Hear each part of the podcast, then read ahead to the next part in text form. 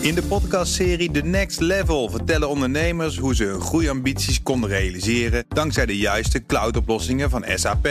Wat waren de uitdagingen, de oplossingen en hoe ging de uiteindelijke implementatie? Benieuwd naar hun verhalen en hoe zij met behulp van SAP ook hun toekomstige ambities kunnen behalen? Luister de podcast The Next Level via de BNR-app of je favoriete podcast-app.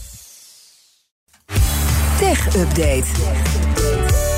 En Joe van Buurik is hier om het opvallendste technieuws met ons door te nemen. Ha Joe. Hey, Liesbeth en Kees. Ja, beginnen met uh, nieuws dat heet van de naald is. Um, de privégegevens van bijna 100.000 Forum voor Democratieleden liggen op straat. Ja, dat Wat mogen we dat? toch wel een beetje brekend nieuws van RTL Nieuws noemen. Want dit komt allemaal door de eigen Forum-app van die politieke partij. Afgelopen weekend nog gepresenteerd door partijleider Jerry Baudet. En daardoor zijn namen, woonadressen, telefoonnummers en rekeningnummers gelekt. Die zijn allemaal gewoon te vinden in die app.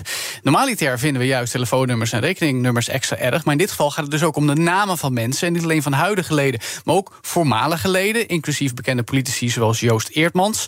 Um, en dat is nogal een probleem. Want uh, Frederik Zuiderveen-Borgesius, hoogleraar ICT en recht aan de Radboud Universiteit, zegt. Juist politieke voorkeuren zijn heel erg gevoelig voor mensen. Ja. Op basis daarvan kun je worden gediscrimineerd. En zo'n groot lek, waarbij dus ja, de politieke voorkeuren van mensen naar buiten zijn gekomen, op straat liggen.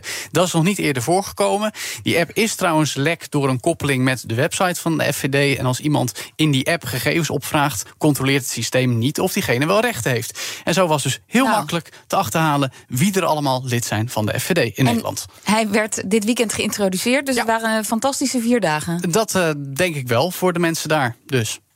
Dan naar Twitter, want dat is uh, opnieuw gewaarschuwd door Europa. Nu wegens Russische propaganda. Ja, dat zou er nog bij moeten komen. Al die gekke fratsen die Musk al in zijn eerste maand als baas van Twitter heeft uitgehaald.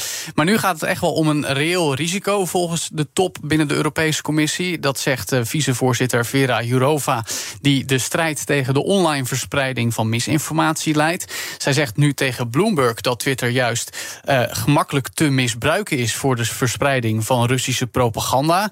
Uh, door niet actief te handelen tegen zulke propaganda ondersteun je actief de oorlog, zegt ja. ze namelijk. Uh, ja, daar is wel iets voor te zeggen. En juist omdat Musk zo prat gaat op het vrije woord, we hem zo graag horen melden. Uh, en daarbij ook zijn eigen definitie heeft van wat moderatie nou eigenlijk zou moeten zijn. Ja, dat blijkt wel nadat hij twee derde van het personeel bij Twitter heeft laten gaan.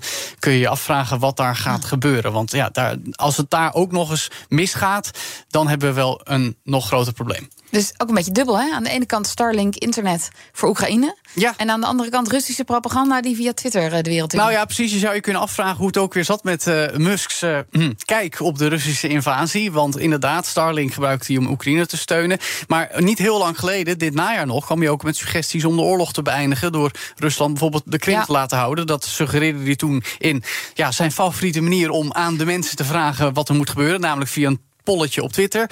Dezelfde weg die hij gebruikte om het account van Donald Trump niet heel lang geleden te deblokkeren. En mocht je je afvragen ja, wat er nu nog meer kan gebeuren. Op het moment zijn staatsmedia zoals Russia Today, RT, nog geblokkeerd op Twitter.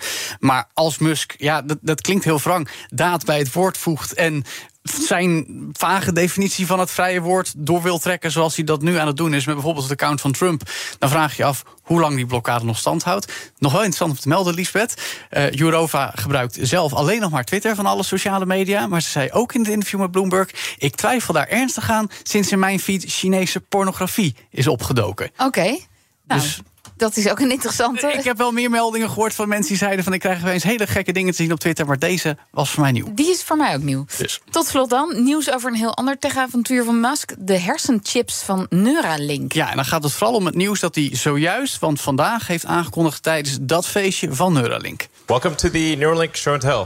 The overarching goal of Neuralink is to create ultimately a whole brain interface, a generalized input-output device that in, in, you know, in the long term, literally could interface with uh, every aspect of your brain. Ja, en vervolgens kwam er een demonstratie van hoe deze technologie nu al gebruikt wordt op apen en varkens. Dat je dus met een apparaat uh, uh, ja, kan aansluiten op je hersens om zo'n computer te besturen. En dat kan dan weer helpen met bepaalde taken. Daar kom ik zo op, want het grote nieuws is dat Musk denkt volgend jaar dit al te kunnen toepassen op mensen. Ik citeer hem: We hebben het meeste papierwerk ingediend bij de FDA, de Food and Drug Administration in de VS. En ik verwacht dat we over een maand of zes de eerste Neuralink in een mens hebben zitten. Ja, dat is vrij vlot. Dat wou ik, zou, ik, zou ik ook zeggen. Het gaat dan wel om klinische proeven, maar inderdaad, dat is best wel vlot. Ja, maar volgend jaar, ja, dat, dat, dat, dat is te snel. Dat kan toch nou niet? ja, dat zou je zeggen, maar volgens Musk niet. Want hij wilde in 2020 al, dat werd 2022, nu dus volgend jaar. Dus ze liggen al zogezegd achter op schema. En een rivaliserend bedrijf, Synchron, kreeg afgelopen zomer al voor het eerst soortgelijke technologie in mensen aangesloten. Die kregen in 2021 al goedkeuring van de FDA. Niet voor niets wilde die Synchron naar zich toe trekken. Dat is niet gelukt.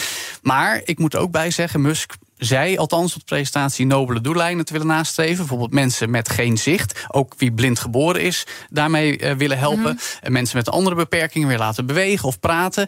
Alleen, Lisbeth, lijkt me vreselijk als je dat soort dingen hebt. Maar de ingreep lijkt me ook geen pretje. Want ze liet in de presentatie zien hoe je aan een soort robot gekoppeld wordt. En dan eigenlijk je hersenpan wordt opengemaakt. En tientallen draadjes op allerlei plekken in de grijze massa worden gestoken. Ja, maar Joe, dit klinkt hartstikke leuk. Maar ondertussen lees ik in hetzelfde bericht. De afgelopen tijd zijn er heel veel apen gestorven door zijn chip in hun hersens. Waarom denk je dat ik hier niet zoveel zin in zou hebben? nou ja, en ik denk dat de FDA. Uh, ook niet zo heel makkelijk uh, akkoord gaat. Nee, en de FDA heeft ook niet gereageerd na een verzoek van Reuters om hierop te reageren. Zegt ook genoeg. Dit Dankjewel, Joe van Buurik. De BNR Tech Update wordt mede mogelijk gemaakt door Lenklen. Lenklen. Betrokken expertise, gedreven resultaat. In de podcastserie The Next Level vertellen ondernemers hoe ze hun groeiambities konden realiseren dankzij de juiste cloudoplossingen van SAP. Wat waren de uitdagingen, de oplossingen en hoe ging de uiteindelijke implementatie? Benieuwd naar hun verhalen en hoe zij met behulp van SAP ook hun toekomstige ambities kunnen behalen? Luister de podcast The Next Level via de BNR-app of je favoriete podcast-app.